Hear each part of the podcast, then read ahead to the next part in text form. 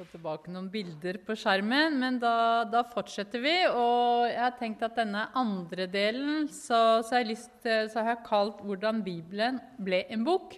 Nå har vi snakket om de forskjellige delene og så og så mange bøker. Så hvordan, hvordan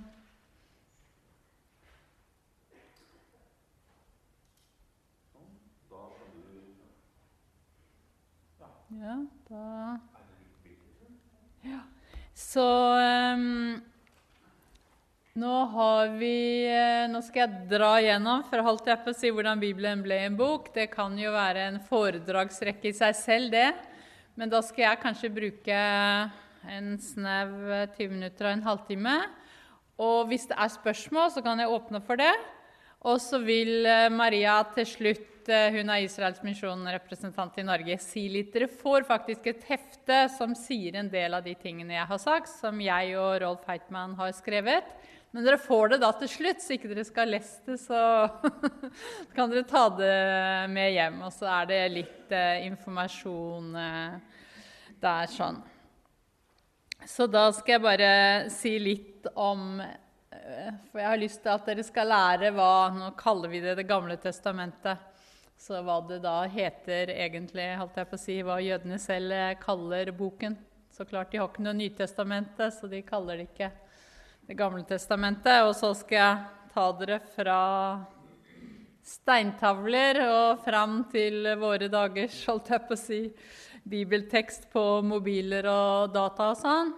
Så har jeg vel lyst til eh, å vektlegge litt Qumran, for det har jeg jobbet med selv når jeg oversatte Bibelen, og det syns jeg er veldig spennende får vi se hvor mye vi rekker. Vi kunne holdt på her en uke ikke sant, med alt dette her, men sånn i kort eh, kontekst.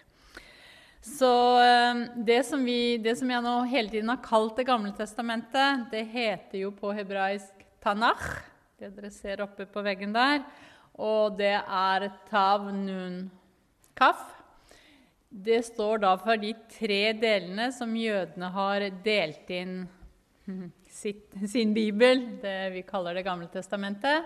Tanach, som da er eh, Den første bokstaven er Tav. Tora, altså loven, eller de fem eh, mosebøkene. Så kommer Neviim, som er profetene.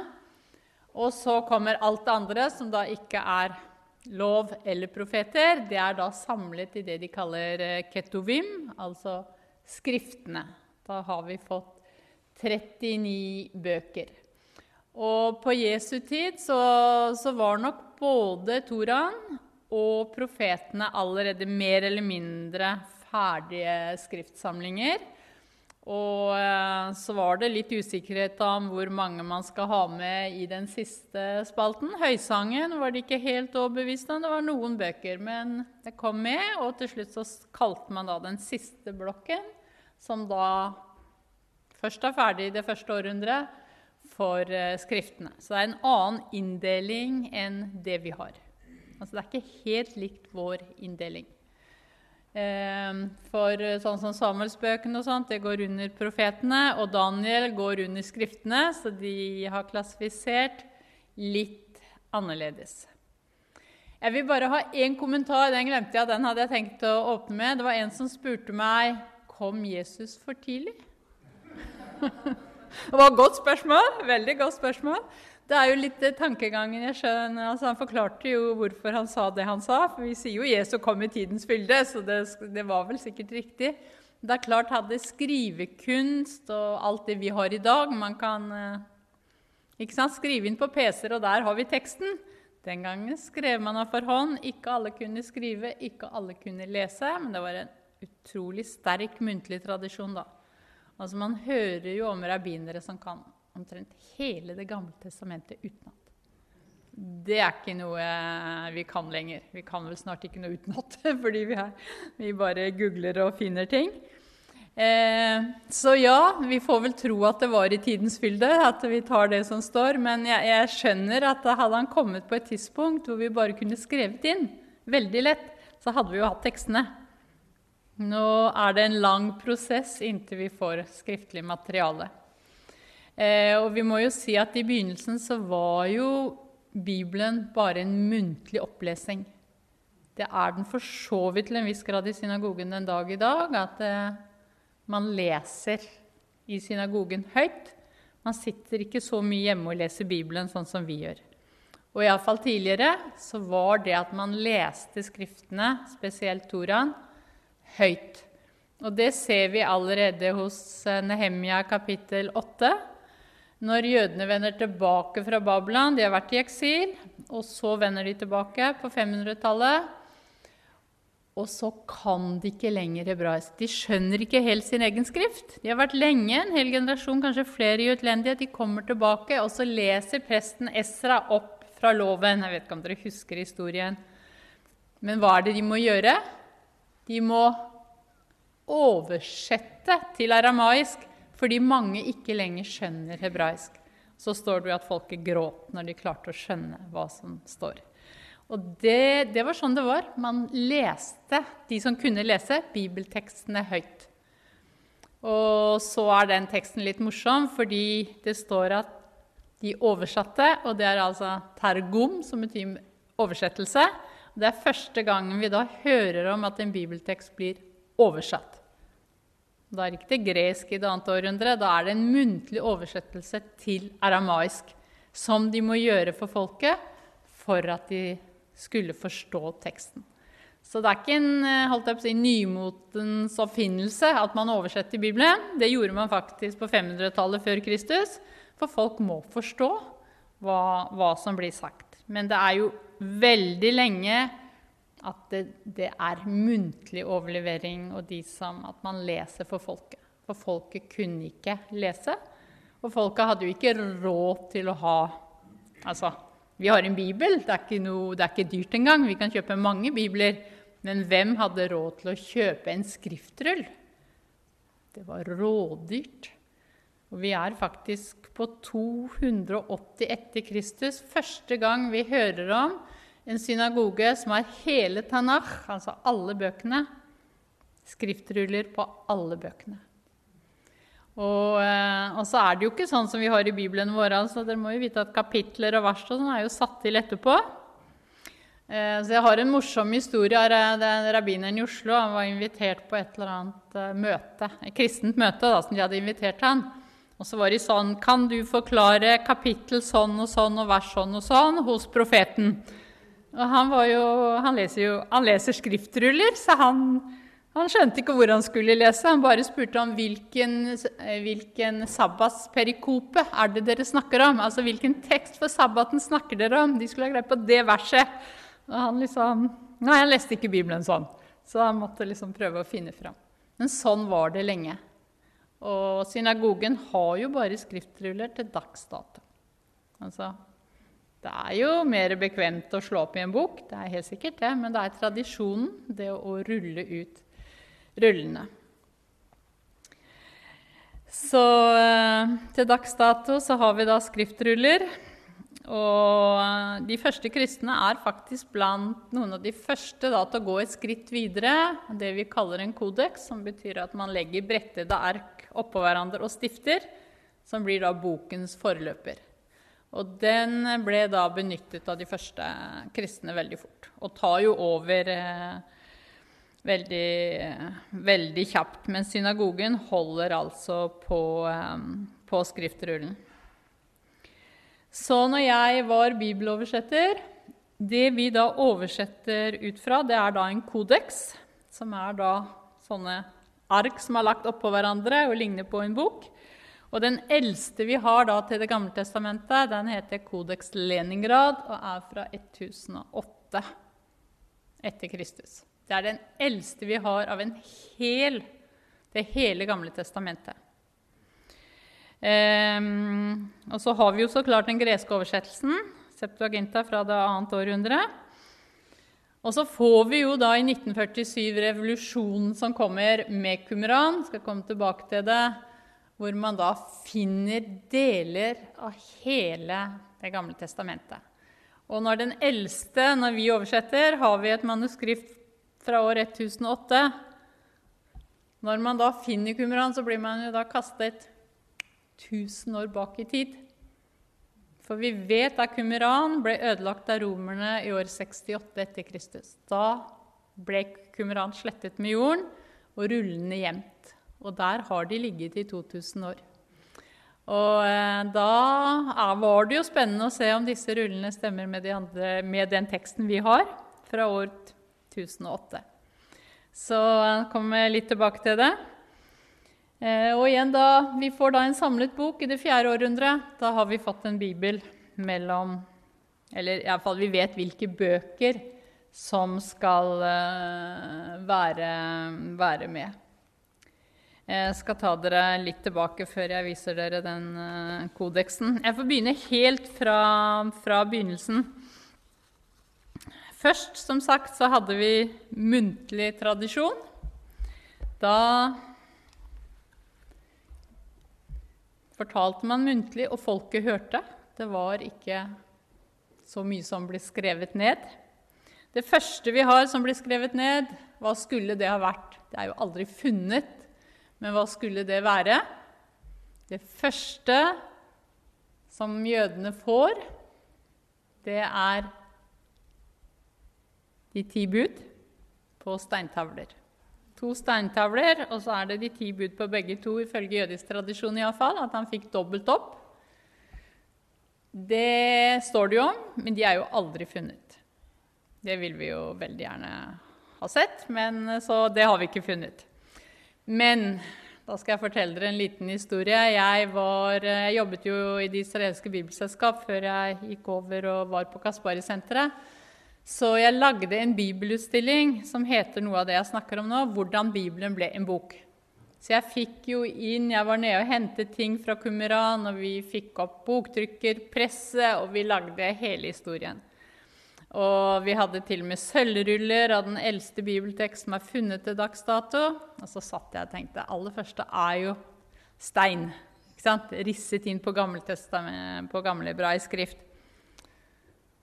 Men så klart, det er ikke noe som er funnet. Men jeg tenkte det hadde vært veldig fint å ha hatt noen lovtavler der. Hva gjorde jeg? Eh? Vi fikk tak i Jerusalemstein, og så tok jeg de ti bud. Og så transkriberte jeg de tilbake til gamle hebraisk skrift. Og så fikk jeg en steinhugger til å risse det inn.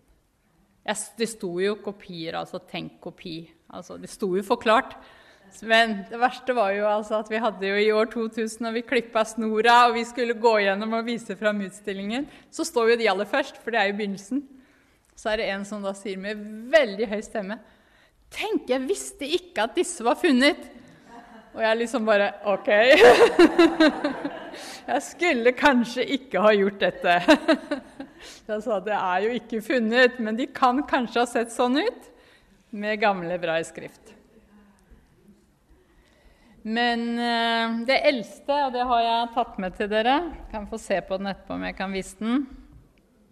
Den eldste bibeltekst som er funnet til dags dato, det, den ser sånn ut. Den er også på Jeg kan få se den nærmere etterpå. Det er en kopi av originalen, så klart. Det er ikke originalen, men uh, det er en liten sølvrull. I 1979 så fant man i det som heter Hinnomdalen, det som har blitt til vårt navn helvete av alle ting, i Jerusalem, to små sølvruller. Eh, som var jo rullet sammen. Her er den rullet ut. Og når man da fikk rullet ut disse to små sølvrullene, så fant man den samme bibeltekst på begge to. Og vet dere hvilken tekst det var? Og det blir jo da Teksten er datert til det syvende-sjette århundre før Kristus. Altså eldre enn det vi har funnet i Kumran. Og den teksten det var lik tekst på begge to. Den er da risset inn i sølv på gamlehebraisk. Og det var den aronittiske velsignelse. Og jeg syns det er så flott at den eldste bibeltekst som er funnet til dags dato, det er den aronittiske velsignelse som dere hører hver søndag i, i, kirken. Og av alle ting så er den jo da funnet i Hinnomdalen i Jerusalem, som i dag er et nydelig dalføre som går sånn sørvest rundt uh, for byen. Men det var jo Hinnomdalen Det ordet er jo blitt til Gehenna på gresk, som da blir til vårt helvete. Fordi det var et fælt sted langt tilbake i tid, i kongetiden, hvor man ofret barn og, som kananerene gjorde, og sånne ting. Så akkurat der er det faktisk funnet den aronittiske velsignelse. Og det, det syns jeg eh, Det syns jeg er, eh, er, fint. Så midt oppi det hele så vil ikke Gud ha barneofringer. Han vil velsigne og gi av sin, eh, av sin fred. Så jeg tenkte dere skal få høre når dere ser teksten. Dere kan få se nærmere på den, på den etterpå. Så um, Vi burde kanskje avslutte med den, men det kan vi også gjøre. Men vi kan jo høre på teksten, da. V'yishmerecha. Ya'er Adonai panav elecha v'yechunecha. Yisa Adonai panav elecha v'yasim shalom. Herren velsigne deg og bevare deg. Herren la sitt ansikt lyse over deg og være deg nådig. Herren løfte sitt åsyn på deg og gi deg fred. Den teksten, som jeg, noen prester leser den hver søndag og lyser velsignelsen, det er jo eh, da den absolutt eldste bibeltekst som, som vi har uh, funnet. Og det, det syns jeg, uh, det syns jeg er uh, veldig Veldig flott. Så vi går fra steintavler som vi ikke har funnet, men vi har funnet to små sølvruller. Og det var hull i de, så de sannsynligvis har vært båret rundt halsen. Og hvis dere går til Bibelselskapet, så kan dere faktisk få kjøpt en liten miniatyr. Det er laget av Bibelselskapet i Israel. De er eh, veldig fine. Eh, denne kodeksen her kan jeg egentlig holde et helt foredrag om, men eh, jeg skal ikke det. Men dere skal ha sett den. Den eldste og beste bibeltekst vi har hatt av Det gamle testamentet, heter Kodeks Aleppo fra 930 etter eh, Kristus. Den er ikke skrevet i Aleppo. Den er skrevet i Tiberias i eh, Israel og har vandret til Jerusalem og Kairo, hvor den enn var, men endte opp i Aleppo i 1130. Og den blir kalt Kronen. Den går under navnet Haketer. Den var visst så flott. Det er ikke noe fint bilde, jeg har tatt det fra Internett. Men uh, den uh, det sies at den jødiske lærde Maimonides 11, på 1100-tallet sa at dette skal være standardteksten til, til Det gamle testamentet, til Tanakh. Den er så riktig, så flott, så fantastisk og så vakker. Og den endte opp i synagogen i Aleppo. Og der ble den oppbevart. den ble tatt fram bare noen ganger, sies det. var et stort pengeskrin i bunnen av synagogen hvor de bevarte dette som deres mest dyrebare skatt. For dette var den beste bevittelsen vi har av Det gamle testamentet. Hva skjer i 1947? FN bestemmer at man skal opprette staten Israel, en palestinsk og en israelsk stat, en jødisk stat. Det blir opptøyer i hele den arabiske verden, men spesielt i Aleppo og Syria. Og eh, Områdene rundt synagogen i Aleppo blir satt i brann. Synagogen Alt brenner. Og eh, han som var vaktmester i synagogen, eh, Bagdani tror jeg han het, han sier etterpå 'Jeg klarte å redde så mye som mulig'. Men han klarte ikke å redde alt. Så Toran er borte, eller ble borte. Lenge visste man ikke om den var reddet i det hele tatt, men den gikk nok under jorden. Eh, men den er altså brennemerker rundt i kantene på. Og eh, hele Toran er borte. Den ble tatt vare på av en eh, kristen, sies det, i ti år. Og så klarer de til slutt å få den smuglet ut fra en Altså, Syria ble jo tom for jøder. Jødene dro. Og man visste ikke helt hva som hadde skjedd med den, inntil den dukker opp igjen og da er det en ostehandler fra Tyrkia, en jøde, som da har bodd i Aleppo, men som har dobbelt pass og klarer å komme tilbake. Og han putter den i et osteklede inni vaskemaskinen. Han skulle ta resten av tingene sine til Tyrkia. Og får altså smuglet ut det som er igjen. Men da den, og så kommer den til Israel.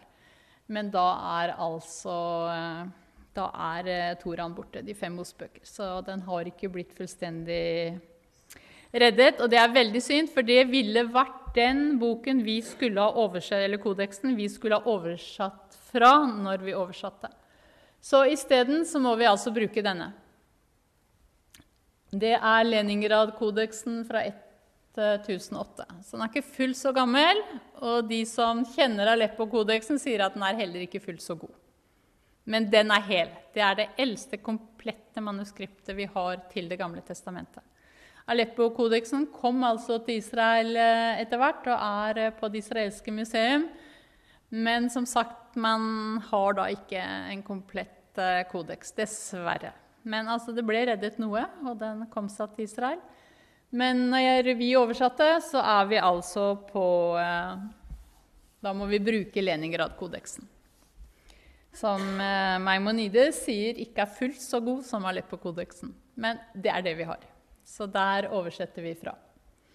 Da tenkte jeg til slutt jeg skulle ta dere med på en liten tur til, eh, til Kumeran, fordi der har jeg jobbet ganske, ganske mye selv. Så da skal dere få se hvordan det er å være bibeloversetter og plutselig bli stoppa midt i arbeidet. Jeg sa det til dere, og dere så, nå ser dere det bildet dere så på stort i stad. Som er altså en liten del av 1. Samuel kapittel 10. Slutten av kapittel 10 eller begynnelsen av kapittel 11. Um, ehm, vi tar noen eksempler uh, først der. Altså Man finner blant disse tusen deler av manuskripter så finner man 200 bibelske manuskripter, eller deler. Noen ganger snakker vi jo bare om fragmenter. Men det er klart vi er tilbake omtrent på pluss-minus år null. Og da har vi en mye eldre tekst enn Leningrad, som vi da oversetter fra, som er fra år 1008. Så her er vi altså kastet 1000 år bak i tid. Og det er klart for enhver bibelforsker så er jo det veldig spennende mange trodde jo at Bibelen måtte skrives om fordi vi fant noe som var så gammelt. Men det har det jo ikke blitt. Men når det er sagt, så, så er det jo noen forskjeller. Og noen ganger så har da Kumeran eh, hjulpet oss i å få en riktig eller riktigere bibeloversettelse. Jeg viser dere tre eksempler, eh, tre eksempler her. Før, når man oversatte Jesaja 53 vers 11, så måtte man jukse litt fordi det, objektet manglet i setningen.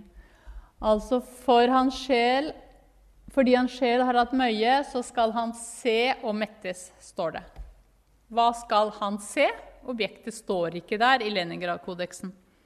Så før i gamle bibeloversettelser så satte man til et D. Han måtte jo se noe. Altså, Det kan ikke stå uten objekt. Ja, Hva var det han skulle se? Vi vet ikke. Det står ikke noe. Men så fant man jo i Kumran to Jesaja-ruller. Og i begge de rullene så står objektet. Hva var det han skulle se? Han skulle se år. Lys. Hva får han se etter allmøye? Han skal se lys, og så mettes. Så eh, der har Kumran Det er ett eksempel på at Qumran har, eh, har, hjulpet oss. Et eksempel til er fra Bedre jeg leser her enn å prøve å lese der. Er fra Salmenes bok. Man fant jo elleve huler ved, ved, Dødehavet. Og i hule elleve så fant man flere salmeruller. Eh, og det er én type salmer som vi har kalt uh, alfabetsalmer. Og hvis noen av dere har Bibel 2011, så vil dere kanskje se at noen salmer har noen rare tegn i mergen. Det er det hebraiske alfabetet. For det er en sjanger, så det er sikkert memoteknisk for å huske. Den går gjennom de 22 konsonantene i det hebraiske alfabetet.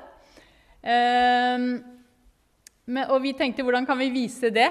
Vi klarer jo ikke å oversette det alfabetisk, det lar seg jo ikke gjøre. Men vi kan hvordan skal vi da vise at dette er en alfabetsalme? Så vi puttet altså de hebraiske bokstavene i mergen, med en fotnote, så klart, for de som da lurer på hva er det for noen rare tegn vi har fått ute i mergen her. Eh, så det er en egen gruppe salmer som eh, da kalles alfabetsalmer. Og så, når vi oversatte, så kom vi til salme 145. Det er også en alfabetsalme. Og der kommer vi. Alef, bet, gimmel, dalet, heva, bla, bla, bla, bla.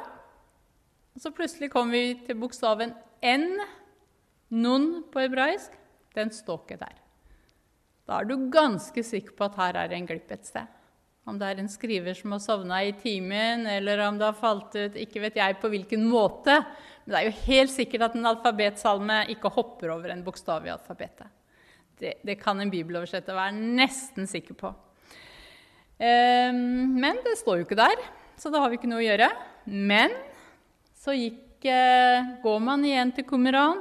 Det er funnet flere salmeruller.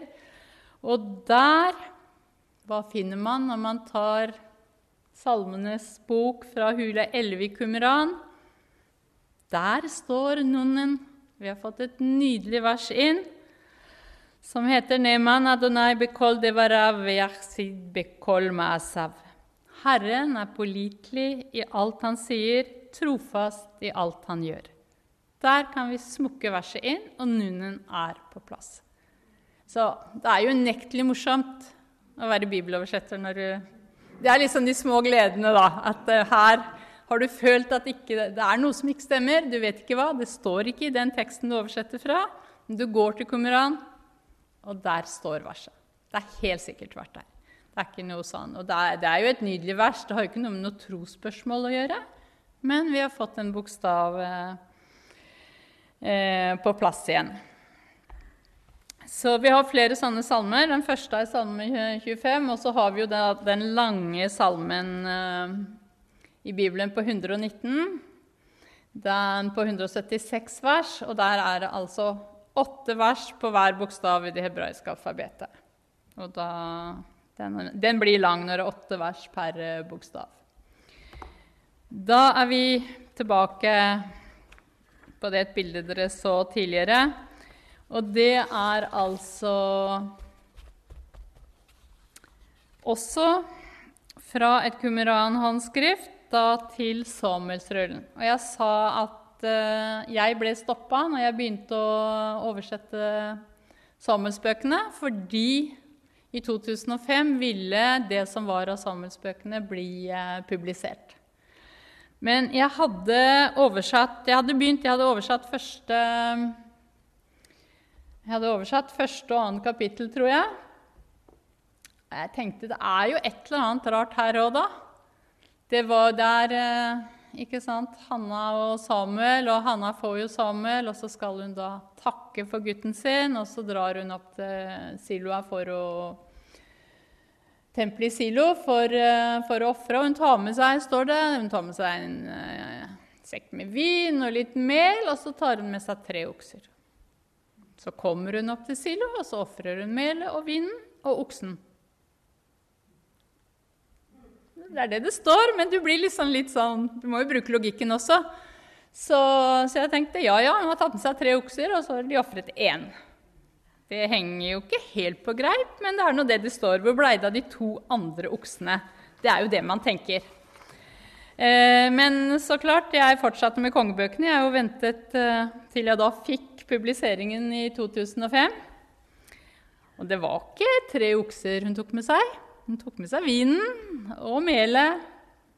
Og hva står det i Qumran-rullen? Fra hule fire. Det er jo den store hulen som er så kjent i Kumran, hvor de samlet de fleste skriftene. En tre års gammel okse. Det er ikke store forskjellen på hebraisk, så, men da kan hun jo også ofre oksen. Da er vi tilbake igjen. Da. Det er en liten detalj, men du verden hvor morsomt det er. Hvis dere vil tro meg å være bibeloversetter, og da skjønner jeg ja, det er en okse vi snakker om. Det er ikke tre, den er tre år gammel okse. Eh, så det er sånn, Da retter man opp, ikke sant? Men det store spørsmålet, og det skal jeg vel kanskje ta til slutt her, det er jo at denne Samuelsrullen, som er fra år 50 før Kristus, den er lengre, Den har en noe lengre tekst enn den som er i Leningrad-kodeksen. Og hva gjør vi når vi får lengre tekst? Altså en tekst ikke vi har kjent tidligere.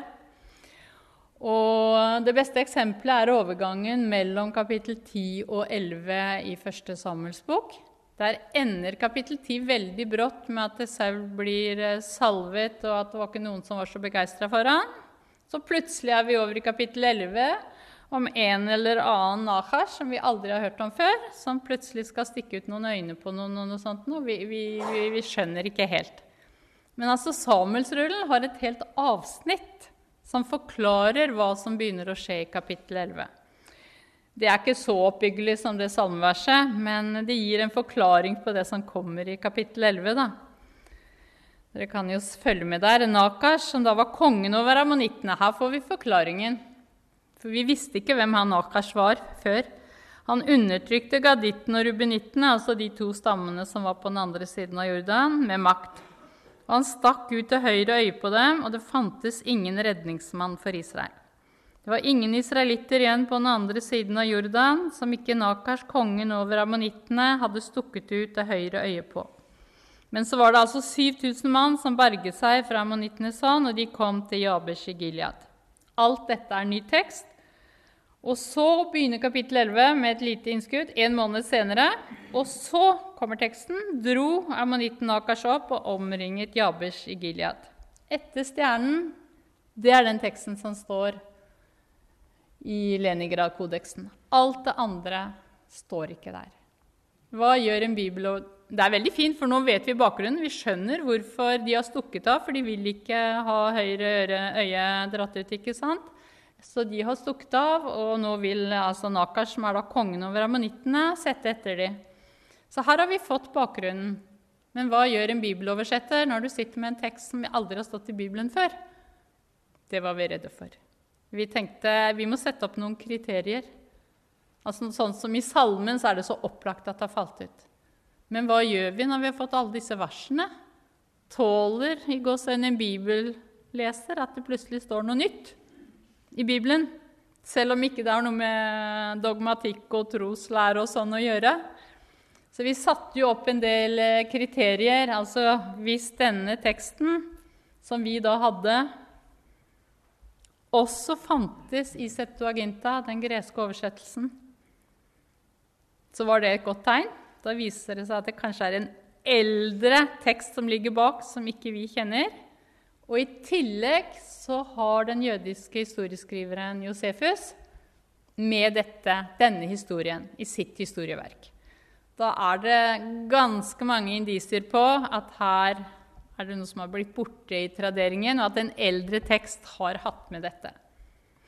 Eh, men vi satte da stjerner og rundinger jeg vet ikke hva foran og etter det som vi da la til i bibelteksten og skrev i fotnoten, at dette er da tillegg fra Kumran. Men vi prøvepubliserte bl.a. Samuelsbøkene, og så var det Jesaja. Det var de to bøkene som ble prøvepublisert før vi publiserte hele bibeloversettelsen for å teste om det var noen som skrek veldig høyt over at vi hadde lagt til noen vers i Bibelen. Det, det, var rett og slett det var vi redde for. Altså, du gjør ikke sånt hvis hele bibeloversettelsen din faller, på en måte. Så, men det, det, gikk greit, så det, det har nå uh, kommet inn. Men flere Dette var tre eksempler, det står ett til der, men uh, vi kan avslutte med dette. Men sånn har Kumeran hjulpet oss. Der vi visste at vi hadde svake punkter, eller noe kanskje hadde falt ut, så kan du altså finne et svar i andre gamle manuskripter når du går ut. Og det, det, er jo fantastisk at man har funnet noe sånn som hjelper oss i å oversette disse gamle, gamle skriftene. Nå har jeg brukt opp tiden min, og jeg har sagt jeg kunne holdt på en uke her og snakket om gamle skrifter. Jeg vil bare vise dere til slutt Codex Sinaiticus. Nå har jeg snakket veldig mye GT, men det er jo fordi jeg er gammeltestamentler og ikke nytestamentler. Men eh, Codex Sinaiticus fra 350 etter Kristus er jo da hovedkodeksen for Det nye testamentet. Den er da har iallfall vært siden ca. år 500 i Sankta Katarina-klosteret i Sinai. Og ble jo da funnet på 1840-tallet av Tischendorf, som lette etter gamle manuskripter. Og det er det beste, og det er helt. Akkurat som vi har Leningrad til GT, så har vi altså Codex Sinaiticus til, eh, til NT. Ja, det er tre kodekser. Det er et dårlig bilde. Alexandrinus og Vatikanus. Alle disse har vi da til Det nye testamentet, men Sinaiticus er det beste. Og så har vi da Leningrad til GT. Og så har vi dessverre mistet Aleppo-kodeksen oppe i brann.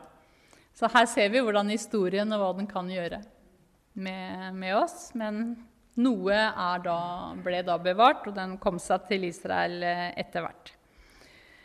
Da har jeg tatt dere litt fra steintavler, og så ender vi jo opp med at i dag En gang så rullet vi ut gamle ruller av holdt jeg på å si, pergament og papyrus. Og i våre dager så scroll, det er jo en rull. Vi scroller på mobilene våre og leser bibeltekster. Ikke sant? Så på en måte så er vi jo litt tilbake der vi en gang var. Så, men eh, vi har klart å få det i en bok også. Da tror jeg dette ble veldig kort på slutten. Det er en lang historie, og det kan sies mye om alle disse punktene. Men da avslutter jeg her, før jeg gir ordet til Maria til slutt. Men hvis det er noen som har gode kommentarer sånn Allah, eller spørsmål hvorfor om Jesus kom litt for tidlig og sånn, så er dere velkommen til å ha, ha de. Er det noen som brenner inne med spørsmål?